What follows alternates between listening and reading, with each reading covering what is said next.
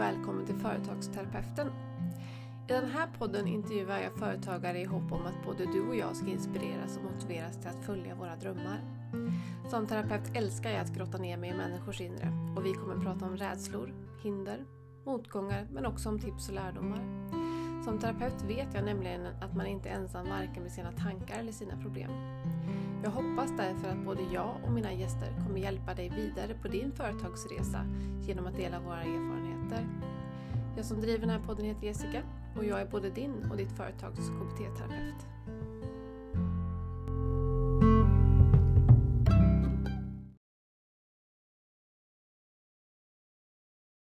Så, hej Lena och välkommen till Företagsterapeuten. Tack och hej! Hej! Så kul att få prata med dig här idag. Kul att få bli inbjuden. Ja, vi ska ju prata lite om din eh, företagsresa och kanske lite om copy och skrivande. Men om du bara kort vill berätta vem du är och vad du driver för företag för de som inte vet. Mm. Jag heter Lena Zetterberg Björk och mitt företag heter True Copy. Eh, och jag startade det ehm, eh, 2016 och sen dess har jag då frilansat som copywriter i mitt egna företag och ibland är jag förmedlad via andra liksom, byråer. Eh, och ibland så får jag uppdrag liksom, för egen maskin eller vad man ska säga. Mm. Eh, så jag skriver copy och då kan det vara allt ifrån eh, relationsmarknadsföring i form av e-post och sådana saker, lite sociala medier ibland, och till liksom större kampanjer och det kan vara webbtexter och lite allt möjligt. Och då kommer jag ofta, ja, en blandning. Och då kommer jag ofta in som en del i, en befint, i ett befintligt marknadsteam liksom och stöttar upp under en specifik period när de behöver, om det är något speci speciellt projekt som gör att de behöver extra resurser eller att det är någon som är föräldraledig eller så där, som man behöver mm. stötta, stötta upp lite extra. Mm. Så det är huvudsaken och sen håller jag också kurser vill jag säga också i mm. copywriting. Så det är liksom mitt andra ben. Okej. Okay. Och hur var det innan du startade företaget? Var du copywriter och jobbade på en byrå innan eller? Jag jobbade inte på en byrå, men jag var, eh, hade lite olika titlar, men jag gjorde ju samma sak. Mm. Så jag var webbredaktör under ett antal år på en marknadsavdelning mm. på en bank. Och, eh, och sen så var jag copywriter och Eh, vad ska man säga, tonalitetsansvarig på en annan bank som hade flera som skrev och flera marknadsavdelningar och jag liksom höll ihop. Så här ska vi låta och eh, ja, utbildade och så. Och skrev. Och jag, får så här, jag kan ju tycka det är svårt bara för mitt eget varumärke. Då, då, måste du verkligen vara väldigt duktig på att lyssna in när man jobbar åt andras varumärken också. Att verkligen liksom, för det ser ju väldigt olika ut beroende på vem du skriver åt. Ja, och det tycker jag nästan är lättare. Av någon anledning så är det lite svårt det där att, att hitta sin egen eh, ton och sätta fingret på den, för den har man bara på något vis. Mm. Men eh, är det ett större företag eh, med en marknadsavdelning och en specifik målgrupp och ett specifikt syfte, liksom då, jag tycker att eh, ja, jag, jag, jag, det är nog en av mina specialiteter faktiskt, att, liksom, mm. att lyssna in och försöka, för jag har ju också hjälpt företag att ta fram sin tonalitet och sätta ord på och definiera den och, och utforska vilka, vilka ord ska vi använda när vi pratar mm. med våra potentiella kunder och, och kunder. Vilka mm. ord ska vi undvika? Vilken typ av, vilken attityd ska vi ha liksom? Mm. Är vi polare eller är vi eh, samarbetspartners eller liksom hur ska man, hur ska hur man, man se? Prata, liksom? mm. Åh, vad intressant. Det där vill jag mm. bolla mer om. Men först vill jag höra då din företagsresa. Hur kom det sig då 2016 att du startade eget? Mm. Det började redan hösten innan, för jag startade i början av 2016 och på hösten där så hade jag börjat tröttna lite på den eh, jobbsituation som jag hade som anställd och jag började känna lite låg motivation. Jag började undra vad jag gör det här för? Sådär. Mm. Vem gör jag det för? Mm. Och insåg att ja, men det gör jag ju för att ägarna, då var det ju ett eh, publikt företag, så det var ju liksom aktieägarna då. Det är ju för att skapa värde för aktieägarna. och för mig var inte det tillräcklig motivation till att mm. göra allt det där och vara proaktiv i, i den rollen som jag hade då. Mm. Utan jag kände att jag, jag ville göra så mycket andra saker som inte rymdes inom rollen. Eh, mm. Till exempel det här med att hålla kurser då. Eh, I lite större utsträckning. Liksom. Så att då, och då pratade jag med en, eh, en kompis som jag hade jobbat med tidigare som hade startat eget och hon eh, berättade hur det var och jag var väldigt tveksam till en början för jag hade två skol, små, yngre skolbarn. Jag hade hus, liksom rätt mycket kostnader och ansvar och allt det där. Så att jag kände att nej, men det där, osäkerheten är för stor och det är nog svårt, att, svårt att få in uppdrag och jag hatar att sälja mig själv och då mm. behöver man göra det hela tiden. Så att jag hade jättemycket tveksamheter men hon ganska snabbt lyckades sticka hål på dem för hon eh, var ju liksom i samma, hade ungefär samma kompetens och hon sa att men det är, folk skriker efter folk, liksom. det är inga problem och, och man är fri och flexibel och allt det där. Liksom. Mm. Eh, och att kunna göra, styra lite åt det håll man känner för själv. Mm. Och det lockade mig. Så att ganska strax efter att hon hade, hade liksom peppat mig så, så hade jag i stort sett bestämt mig egentligen mm. för att ja, men det är det jag ska göra. Och då, då tog jag tjänstledigt först mm. eh, för att prova på för att se om det flög. Eh, men en av mina, ett av mina första, eh, eller min första kan man väl säga, större uppdragsförfrågan var från ett företag i samma bransch. Det var, det var två mm. olika banker då. Mm. Och då kunde jag inte tacka ja till det uppdraget om jag fortfarande hade min anställning på den andra banken. Så då okay. fick jag faktiskt säga upp mig direkt. Mm. Så jag var så tjänstledig. Ja, jag var tjänstledig i två veckor ungefär tror jag. Mm. Innan jag hoppade på det andra uppdraget. Och hur fick du det uppdraget då? Hur ramlade det ner i ditt knä liksom? Ja, det är faktiskt en, en lite ledsam historia därför att den här mm. kompisen då som hade peppat mig till att starta eget, hon hade det uppdraget egentligen, men mm. blev sjuk. Mm. Och då visste ju hon att jag höll på att starta eget, så då tipsade hon chefen där om mig. Mm. Och jag hade ju jobbat med den chefen också tidigare, det var liksom mm. min tidigare arbetsplats. Mm. Så att eh, då ringde de mig.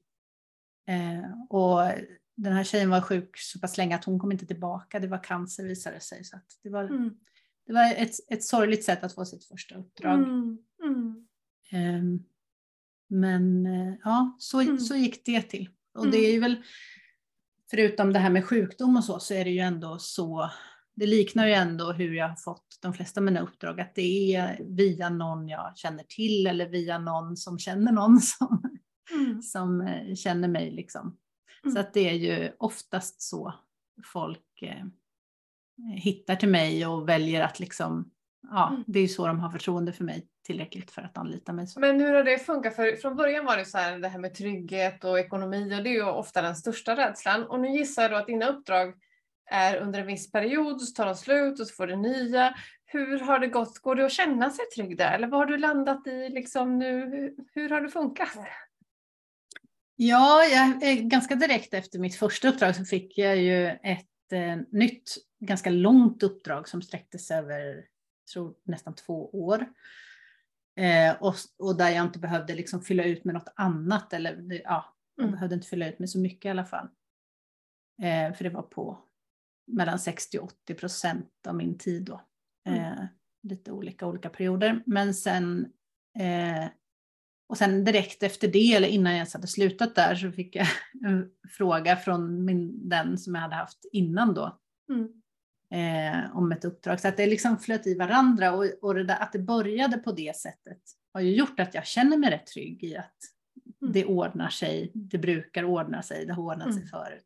Men sen såklart har jag lärt mig under vägen att för att vara trygg och för att kunna känna den här tryggheten så behöver man bra avtal.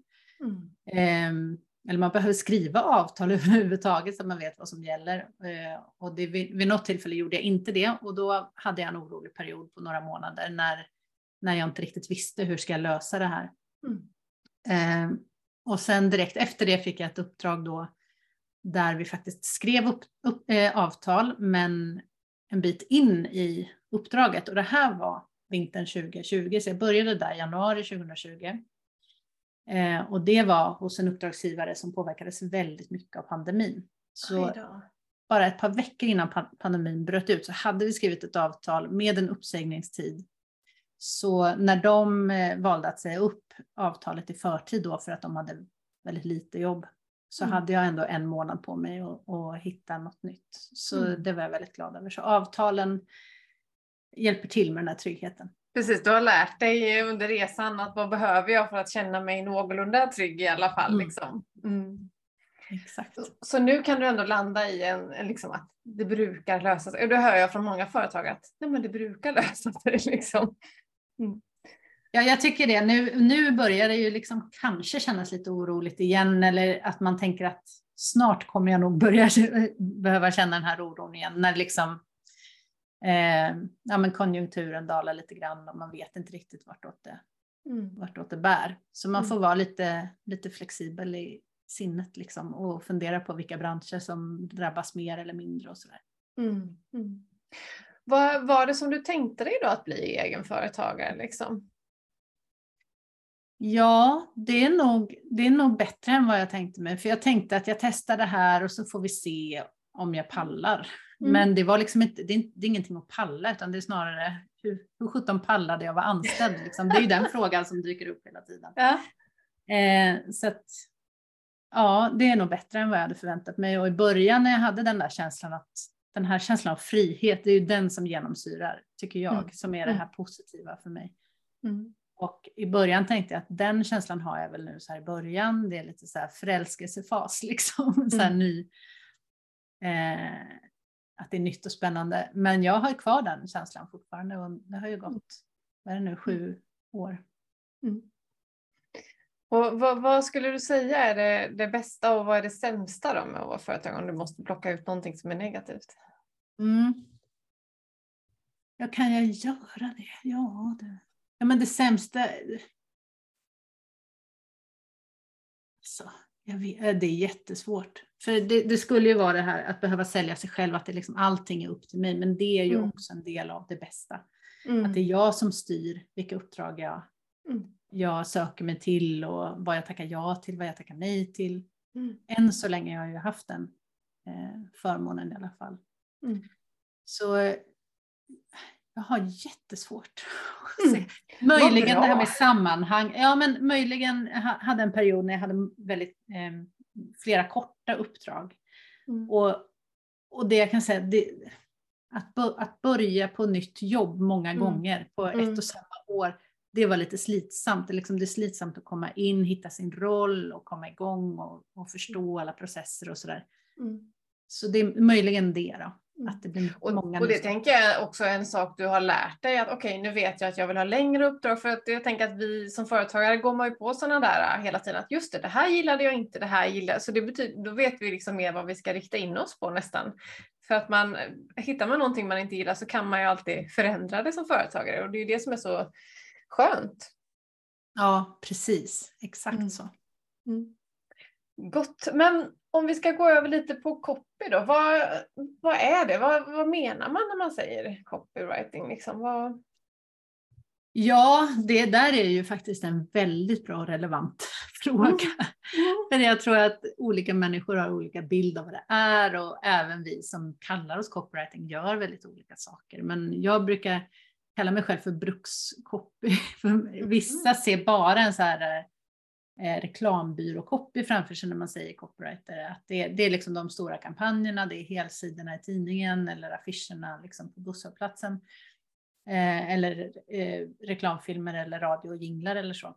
Mm. Men det krävs ju så otroligt mycket mer för copywriting. Om man ska försöka sätta fingret på vad det är så är det ju text som eh, marknadsför. Liksom. Eh, Text som eh, bygger varumärke och relationer och säljer. Liksom. Mm. Och sådana texter behöver vi ju i våra sociala medier och på våra webbplatser och i våra eh, mejl och i våra brev i den mån vi skickar det. Ehm, och i våra kampanjer. Så den behövs liksom, det är det här vardagliga som jag har jobbat mest med och som, eh, som eh, nu var inte det svar på frågan, men bara så att liksom en, en copywriter kan se ut på väldigt olika sätt. Mm. Ehm, Jag tänker att branschen måste ha förändrat sig jättemycket då med tanke på allt som har hänt att nu är det så här. mm, nyhetsbrev, det fanns ju liksom inte ens förr. Och som sociala medier som är nästan det största nu, det fanns ju heller inte förr. Så jag tänker att hela branschen måste gjort en, för förut var det ju tidningsannonser i princip eller liksom en affisch eller Ja, absolut. Det har, gjort, det har blivit en, en stor förändring i liksom yrkesrollen copywriting och också vad som krävs av mm. texter i olika kanaler. Ja, och nu när jag tänker på det så tänker jag att det är inte så konstigt att man som företagare egentligen tycker det är svårt då, för nu ska du komma ut med copy varje dag på Instagram eller Facebook liksom, som inte ens är ens yrke kanske. Och så, för jag träffar ju jättemånga företagare som tycker att det är så himla svårt med det här, att det är så mycket text och vad ska jag säga och också nästan säga varje, varje eller varannan dag att det är inte konstigt att man upplever sig det är svårt, för man är inte utbildad i en säljande text eller en inkännande text eller Nej, men precis.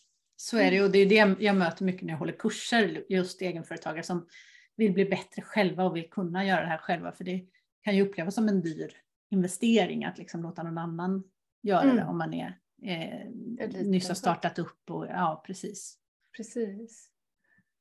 Ja, vad spännande. Och du sa lite där så här, vilka ord ska vi använda och vilken attityd ska vi ha? Är det viktigt som företagare att liksom, är det någonting man ska tänka på? Eller vad ska man tänka på som småföretagare när det kommer till copy?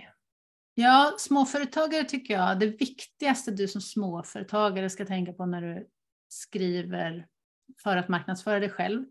För det, det du gör då är ju att du vill nå ut till en specifik målgrupp som ju du förhoppningsvis har liksom definierat och valt ut och, och vet vilka de är. Eh, det viktigaste då för dig att tänka på det är ju att du väljer de orden som den målgruppen själva använder i sin vardag. Så mm. när de tänker på din tjänst eller din produkt så tänker de ett visst ord. Eh, jag vet inte, ja, men, det är väldigt många som pratar om coachning nu, eh, andra pratar om rådgivning. Jag vet inte, eh, ja, det finns terapi, det finns liksom massa olika saker inom samma mm.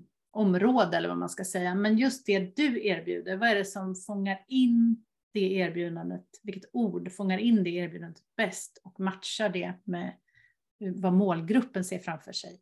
Vad svårt det känns så tänker jag. Ja, för jag som terapeut, är det bara ordet terapi eller jag ska försöka hitta ord som liksom används i eller liksom används runt omkring. Alltså som om det är så till exempel att du kanske riktar dig till en målgrupp som inte vet vad terapi innebär riktigt eller vad, mm. att det är det de behöver. Då behöver du också hitta de orden som sätter, som sätter fingret på vad är det de känner. Vad, hur yttrar sig det här behovet som de har? Så att mm. de har en möjlighet att känna igen sig i mm. behovet och, och problemställningen. Liksom, eller, ja. Mm. Eh, så att de fattar att du kan lösa deras problem. Att, mm. Eh, det tror jag är det absolut viktigaste, att, att din målgrupp känner igen sig i det språket du använder, så att du inte använder ett språk, eh, jättevanligt ska jag säga, misstag eller fälla eller vad man ska säga, är ju att man använder ett språk som ska signalera att jag är expert. Mm. Jag är utbildad och därför använder jag den här terminologin. Mm. Det som händer då är ju att jag som inte är expert, jag måste kanske googla upp de där orden eller, eller så förstår jag dem fast det är, ingen, det är inga ord jag använder i min vardag och då mm. känner jag direkt att du är lite von oben, liksom. du tittar mm. lite ner på mig, jag är lite mm. och, och, det som händer då är inte, ah, gud vad bra, du är experten, då vänder jag mig till dig, utan det som händer är att det blir en en obalans i relationen. Att man mm. inte känner sig sedd, att man kanske inte känner sig respekterad som mm. målgrupp. En viss distans känner jag lite. får. Mm. Ja, ja. ja exakt. Mm. En distans, och det är inte det du vill ha. Du vill ju inte ha distans till din målgrupp. Du vill knyta dem så nära dig som det bara går. Du vill att de ska mm. ha förtroende för dig, du vill att de ska känna positiva känslor inför dig och då behöver du använda ett språk som de känner igen och som de känner sig hemma i och trygga i och som de inte behöver liksom tänka två varv innan de greppar, utan det ska gå rakt in. Eh, mm. det behöver vara ett vokabulär som de använder.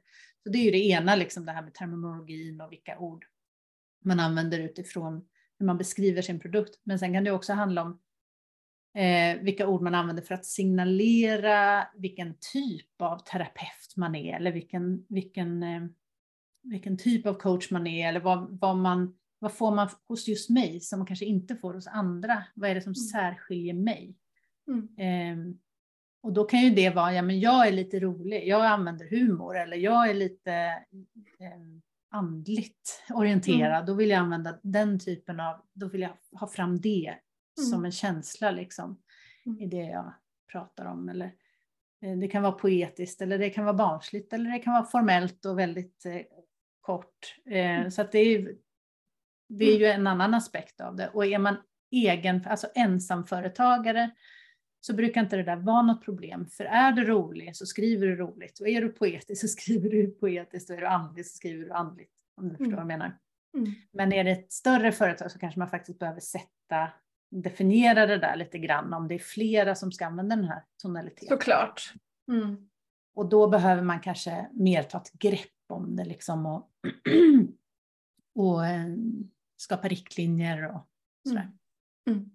Jag tycker att det svåraste, för jag skulle nog säga att jag har väldigt lätt för att skriva. Jag skriver, liksom, och om jag ska skriva för mig själv så är det ju superlätt. Men så fort jag börjar tänka att jag skriver till någon annan, att nu ska det vara säljande, eller nu, då blir det liksom blackout. då, då låser det sig, då, jag, då får jag inte fram någonting alls. Så ja, och varför blir det så? Vad gör man då? Liksom? Vad, vad, vad är felet? Liksom? För att som du säger så ska man ju tänka liksom, på mottagaren, men när jag gör det så, så kommer ingenting alls. För allt det där du säger nu med att hur man pratar och sådär, om någon skulle ställa mig frågan nu så skulle jag känna så här, men jag vet inte för jag gör det bara på, på en känsla. Det är inte så att jag har suttit och tänkt hur ska jag prata utan ah, det kommer som sig själv liksom. Mm. Ja, det där är intressant. Det ena tycker jag är att det är viktigt att följa upp. Så när man har skrivit ett mejl eller en text som någon har tagit del av, så man vet att den här har den här personen läst, för den har anmält sig till den här sessionen eller vad det är. Så man skulle kunna fråga, hur upplevde du den här texten? Och då kanske de säger, men jag upplevde den som väldigt varm och inbjudande, eller jag upplevde den som väldigt förtroendegivande och trygg. Eller, ja, mm. så, så kommer det lite sådana ord och då kan man försöka analysera själv, om man har den tiden och det intresset, att att mm. försöka sätta, sig, vad är det, sätta fingret på vad är det som gör den här texten lite varm mm. eller trygg eller vad det är. Mm. I, I min faktiskt kunds ögon. Det är ju någon som har tackat ja till det här erbjudandet. Liksom. Så det är ju någon som, som du har mm. lyckats eh, få in via den här texten. Så det är ett sätt att undersöka och testa olika saker och se vad du får för utfall. Eh, men vad är det som gör att man tycker det är jobbigt med att eh, skriva en säljande text. För mig handlar det ju jag tycker inte det är så jobbigt när jag ska skriva om andra, Nej. alltså an, mina uppdragsgivare. För det jag gör då är ju precis som du säger, jag sätter mig i mottagarens mm. eh, situation, funderar på vad behöver den här personen veta, känna och göra mm. eh, för att vi ska ha lyckats med den här texten. Alltså när, när den här personen har läst texten, mm. vad ska den veta, känna och göra? Och då antecknar jag bara de sakerna och sen försöker jag liksom få in det i texten och uh, viktigast först, jag försöker skala bort allting som är onödigt för att jag vet att jag måste nå fram med mitt budskap. Det är huvudsaken. Mm. När vi ska skriva om oss själva så ligger det kanske lite för nära. Det kanske är så att vi vet lite för mycket om tjänsten och produkten. Vi har lite för mycket känslor kring att det här vill jag lyfta fram. Och det ställer sig lite i vägen för det här mm. mottagarperspektivet. Mm. Eh, att, att man vet för mycket, att man har för mycket, man har för mycket bagage kanske liksom, och det är för mycket känslor inblandat. Det blir lite mm. privat nästan, mm. eller personligt i alla fall, att man känner att ja, men det där vill jag ju ha med för det tyckte jag ju var så viktigt och det har jag ju alltid sagt. Och, alltså så här, man har lite, precis som de här när man skriver åt uppdragsgivare så kan det ju vara så att en produktchef eller en marknadschef eller någon annan har väldigt mycket åsikter om en text och då är det ju min, mitt min uppgift som copywriter att försvara min text och hur jag har tänkt och försvara. Oftast blir det ju att man påminner om mottagarperspektivet. Ja, men jag var tvungen att ta bort det för annars fattar inte mottagaren det här eller mm. vad det nu kan vara. Men när du ska argumentera mot dig själv, när du själv är den här chefen och den som ska utföra det samtidigt, eh, så blir det såklart lite svårare. Och jag förstår nog att man verkligen måste ha jag känner då att jag är ju verkligen ingen copywriter, för jag hade nog inte kunnat skriva på, på beställning. Jag, jag, fick en beställning en gång för jag skrev en text som blev till en liten kortfilm, liksom, för att den var väldigt omtyckt. Och då bad de här som gjorde filmen att kan du skriva en text till? Och då liksom, nej men det går inte. liksom, fast att jag skriver texter varje dag. Så säger någon till mig, liksom, kan du skriva det här? Och lägg, få känsla i det. Så, så hittar jag det inte. Utan, och jag får ofta den feedbacken på mina Instagramtexter. Jag kan ju skriva till exempel lite om terapimöten och så, så då får, får jag ofta så att när de kommer till mig så har de hittat mig via Instagram och tycker att jag är för, förtroendeingivande och sådär. Och det har jag ju ingen plan bakom utan det är liksom min känsla som jag bara lägger fram. Men precis som du säger, skulle jag liksom tänka att nu ska jag, då blir det liksom bara blackout. Så det är ju verkligen olika kompetenser, tänka att, att jobba med det och sen att bara följa skriva för sin egen, som en liten bloggare till exempel. Jag skriver för min egen skull liksom. Det är två jag tycker det är, Ja, men jag tycker också att det är jätteintressant att du tar upp det. Alla har ju inte den där känslan. Vissa tycker ju också att det är svårt att skriva direkt mm. från hjärtat, liksom, mm. så som du tycker det är lätt. Liksom. Men, mm. men jag, tycker, jag ser det som ett tecken på att det, det du skriver när du har inspiration och det som bara kommer, det är ju oftast bra grejer. För det mm. säger väldigt mycket om dig och de som då går igång på det eller tycker att det är bra, det är ju mm. precis de som du ska träffa naturligtvis. Mm. Liksom. Mm. Så att det, jag, tycker att det, jag upplever också det att det är det som jag skriver i stunden utan att ha tänkt igenom det så mycket i sociala medier för mitt eget företag. Det är ju ofta det som skapar mest engagemang och som man ser att mm. folk och det är ju det eh, svåra då när man bara kan skriva på inspiration. För det förstår jag så funkar inte du på jobbet bara, vänta jag måste sitta och, och lyssna in min inspiration här. det, det, går ju inte liksom. Utan, och det blir ju det svåra då som företagare att åh nu måste jag lägga in någonting varje dag och så har jag inte inspirationen för jag kan verkligen inte pusha fram den liksom. Eh, så det är ju skillnad på, på jobb och som eh, mm. Men man måste lära sig tror jag eh, att eh, hur är det jag får inspiration? Mm. Eh, är det när jag ser vad någon annan har skrivit eller är det när jag tar en paus från sociala medier och tar en promenad? Så kan mm. jag göra ibland att nu måste mm. jag, eh, om jag ska skriva just för mitt eget företag då, i sociala medier till exempel. Om jag inte har någon inspiration men jag vet att det är den här eftermiddagen jag måste sitta med det här för sen har jag mm. inte tid. Då kan det vara så att jag tar en promenad och då brukar det falla mm. på plats i mitt huvud. Då brukar det komma tankar som jag kanske tänkte för två veckor sedan och sen har glömt bort och landar och man börjar förstå hur passar det här in i liksom det stora sammanhanget. Så. Mm.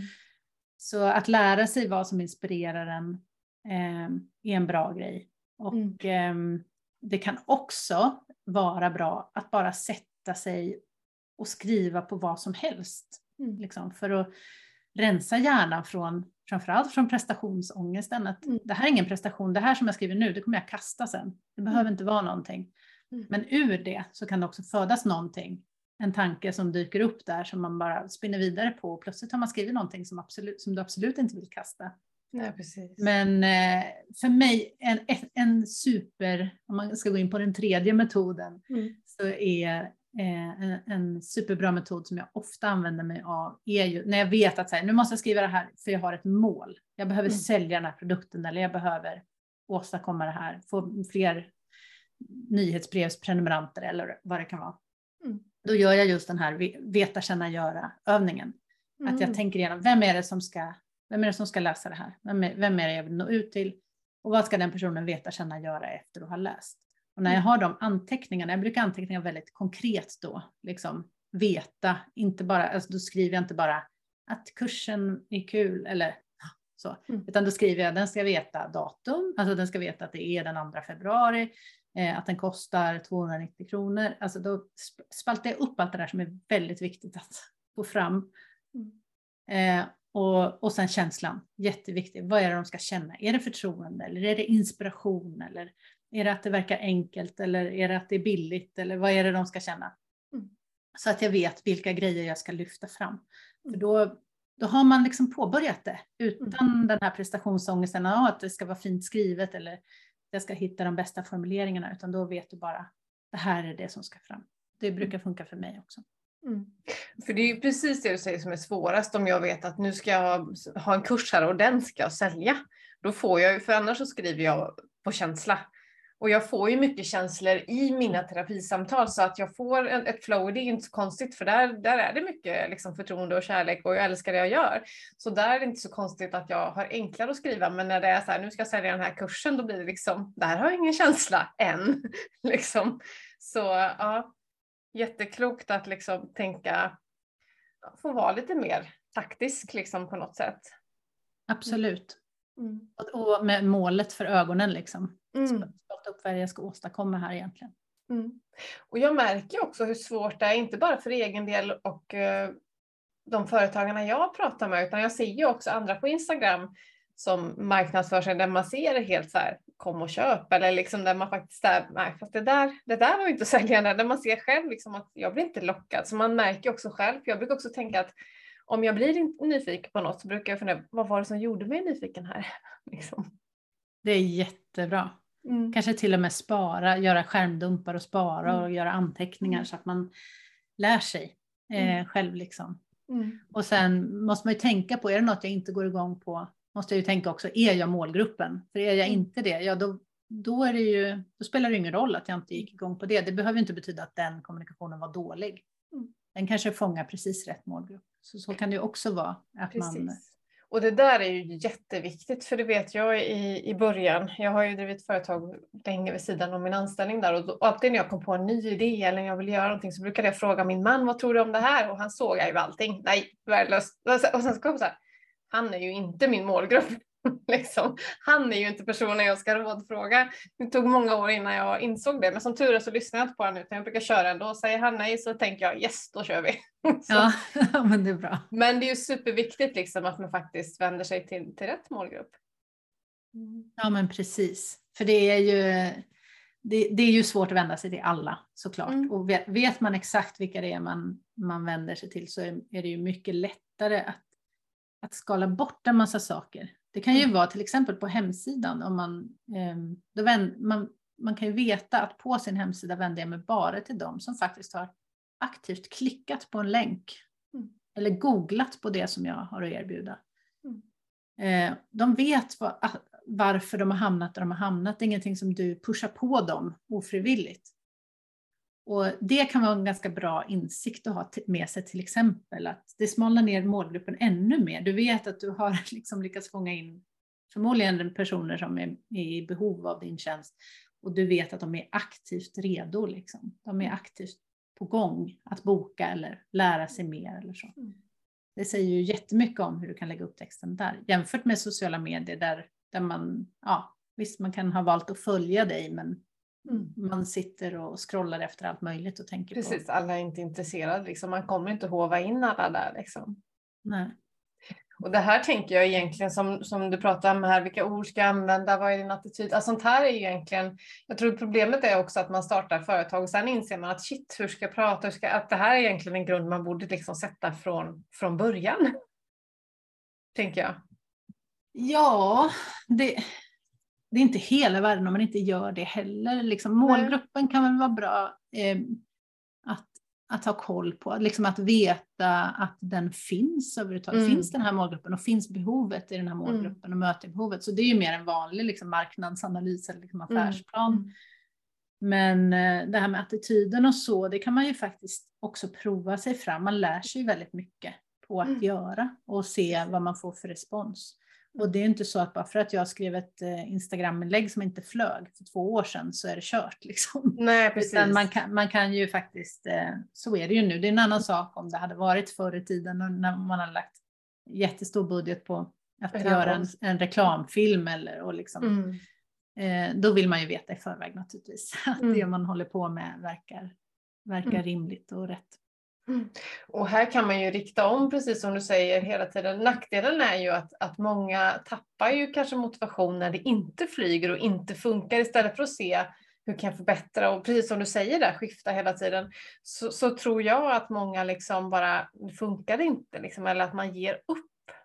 Kan du känna ja. igen det? Mm. Ja, och att man känner att jag är inte jag, jag, kan inte det här eller ja men precis. Mm. Istället för att se, utforska det här. Vad var det som var? Är det någonting jag kan ändra till nästa gång? Något jag kan utveckla? Mm. Man, det kräver lite analytisk förmåga. Man, och det kanske är en grej man, man kan behöva hjälp med och liksom Ja. bolla med någon annan. Varför tror du att det här inlägget gick så mycket bättre än det här? Mm. För jag förstår Mm. inte riktigt vad jag gjorde fel Mm. för andra, liksom det som inte gick bra. Det tror jag också att man kan börja, för jag är en sån, alltså när man kollar på siffror eller liksom kollar vad som, det säger mig noll och jag blir typ, då får jag också bara säga nej det går inte utan liksom sådär.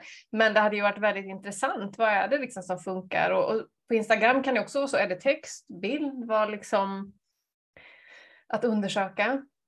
Exakt, och man, och man kommer aldrig få veta Nej. exakta svar. Men Nej. att testa sig fram och vara nyfiken och ändå analysera, det tror jag alltid gör en, Mm. alltså det är utvecklande. Mm. och, och sen en viktig grej som jag tror många behöver ta med sig när man tittar på statistik är ju att gå tillbaka, om man har gjort en sån här eh, veta, känna, göra innan, att gå tillbaka till det. Vad var målet med det här inlägget? Var det att få likes? För då, Mm. om det inte var det, ja då är det inte likes jag ska följa upp. Då är det ju kanske hur många DM fick jag eller hur många bokade sig till den här kursen eller ehm, eller bara, det är så, för mig, ja, ofta har man ju en flerstegsraket, liksom, att man kanske inte säljer, om jag ska göra inlägg om en speciell kurs så kanske jag gör några inlägg bara för att väcka lite nyfikenhet, några inlägg för att skapa ett lite engagemang och sen eh, ytterligare inlägg för att driva trafik till anmälning, liksom, till att Mm. boka sig på kursen. Och då, är det inte, då ska jag inte följa upp bokningar på de här, den här första kategorin som bara är för att väcka nyfikenhet. Den, det, där kanske det viktigaste är att det är många som har sett det inlägget. Medan i det här mitten, det här engagerande, då kanske det är viktigare med likes och kommentarer eller att man sparar eller frågar. Och sen är det sista, då är det ju bara trafik till hemsidan eller till anmälningssidan som, Mm. som jag behöver följa upp.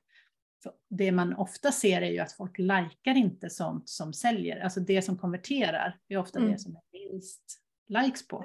Mm. Det är ju inte någonting som eh, engagerar en på det, på det planet. Att, så, ah, att man, åh jag gillar att du skriver kom och köp nu, idag. Utan det jag gör är då att gå in på länken och anmäla mig. Mm. Det är ju det ultimata liksom, Mm. beviset på att den där kommunikationen har funkat. Mm. Så att titta på rätt siffror är ju Mm. superviktigt när man ska lära sig vad som funkar och inte. Mm. Precis.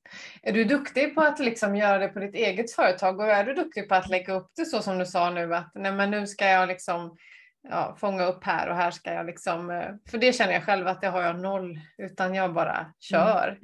Eh, Jag Mm. skulle önska att jag var mer strategisk men eh, nej det finns nog inte i mig. Nej, alltså jag rodnar lite grann nu för jag känner att det, det här behöver jag också bli bättre på. Jag vet i teorin, men det är, det är svårt när det kommer till ens egna Mm. eh, erbjudande. Jag Mm. försöker verkligen att lägga upp det så. Jag försöker verkligen att påminna mig om vad var målet med det här inlägget. Mm. Men jag vet exakt hur svårt det kan vara. Ja, och sen tänker jag att man får vara snäll mot sig själv för att vårt jobb, eller liksom, man är ju inte en marknad, alltså jag är ju terapeut så det är inte konstigt att det här känns svårt för mig och du jobbar med copy egentligen åt andra företag så att, att man inte är bra på alla delar eller har den strategiska förmågan, det är inte konstigt egentligen. Så jag tänker att man får vara lite snäll mot sig själv att det är, ja, man får vara glad Absolut. för det man, man gör. Ja, med, med tanke på den tiden man lägger ner också och den tiden man kan lägga ner och prioriterar att lägga ner. Mm. Så att man inte har för, stor, för höga förväntningar på, på sig Mm. själv utifrån Nej, de knappa resurser man kanske har, både kompetens och tid. liksom. Precis. Mm. Det är jättebra. Ja. Men vad bra, då har vi fått med oss lite tips. Här. Finns det något annat du skulle vilja skicka med lyssnarna när det kommer till text som jag har glömt av att fråga eller som är viktigt? Hmm. Som inte har kommit fram. Alltså.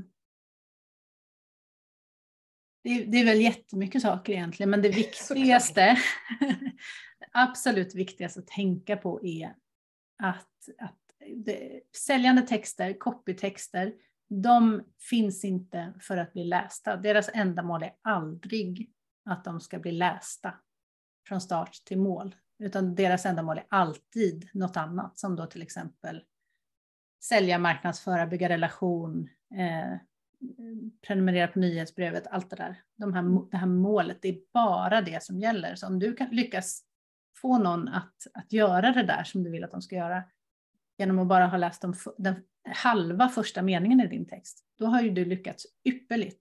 Mm. Och det, det viktiga med att, att ha det i bakhuvudet är att du behöver se till att det vikt, ditt viktigaste budskap når fram så fort som möjligt.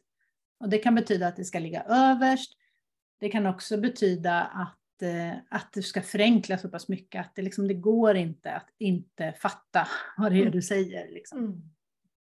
För det är inte en spänningsroman där du ska liksom eh, tisa lite i början och liksom eh, vara lite hemlighetsfull och mystisk utan, eh, och sen får, kommer liksom poängen på slutet. Utan det, mm. ju, ju snabbare desto bättre. Precis. Och för det har jag sett på din hemsida och även på din Instagram där hur viktigt det är att liksom kapa ord och inte ha för mycket. Liksom att det är väldigt viktigt och någonting kan man kanske måste om man skriver texten i sin helhet, tänker jag, får man väl läsa sen och vad kan jag ta bort liksom och sådär. Ja, och när du har gjort det, när du har läst och vad kan jag ta bort och så har du tagit bort lite grann, då gör du exakt samma övning igen och så gör du exakt samma övning igen. För det som du tror att du kan ta bort, i första vevan där kommer du tänka, ja men det är bara det här, allt annat måste vara med. Men tänker du det där igen, gör mm. övningen igen, så inser du att nej, jag kan ju faktiskt ta bort hela den där meningen. Hela det där stycket kan jag ta bort. Mm. Så det är en, det är en ganska bra skriva, Ja, när man skriver en bok, Kill your darlings, då vet jag att där raderar man ju väldigt mycket och det gör ont att trycka på den här knappen vet jag av erfarenhet. Så det ja. samma här. Och det är ju lite jobbigt med Instagram för de har ju inte, man kan inte ha hur mycket text som helst. Så det vet jag själv ibland, man bara så här, åh vad ska jag ta bort? Det är, det är svårt liksom. Ja. ja, det kan vara det, men det är en träningssak. Så det kan mm. man bli bra på. Verkligen. Bra tips. Vart, vart hittar man mer om dig om man är nyfiken på att bli bättre på copy eller gå dina kurser eller liksom sådär? Eh, ja, vi har pratat mycket om Instagram. Där finns jag under namnet The True Copy. Det är någon annan som har True Copy där, så följ inte den höll jag på att säga. Mm. Eh, the, true, the True Copy. Mm. Eh, och på LinkedIn heter jag Lena Zetterberg Björk. Och, och där försöker jag också vara ganska aktiv. Och det är där jag får mycket av mina uppdrag också. Och sen har jag en hemsida, truecopy.se. Jättebra, då tackar jag dig för att du har varit med här idag. Ja, men tack själv.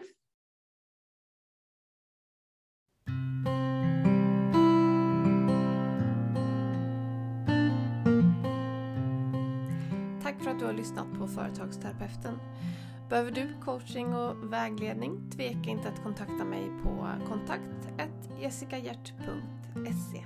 Ha det gott! はい。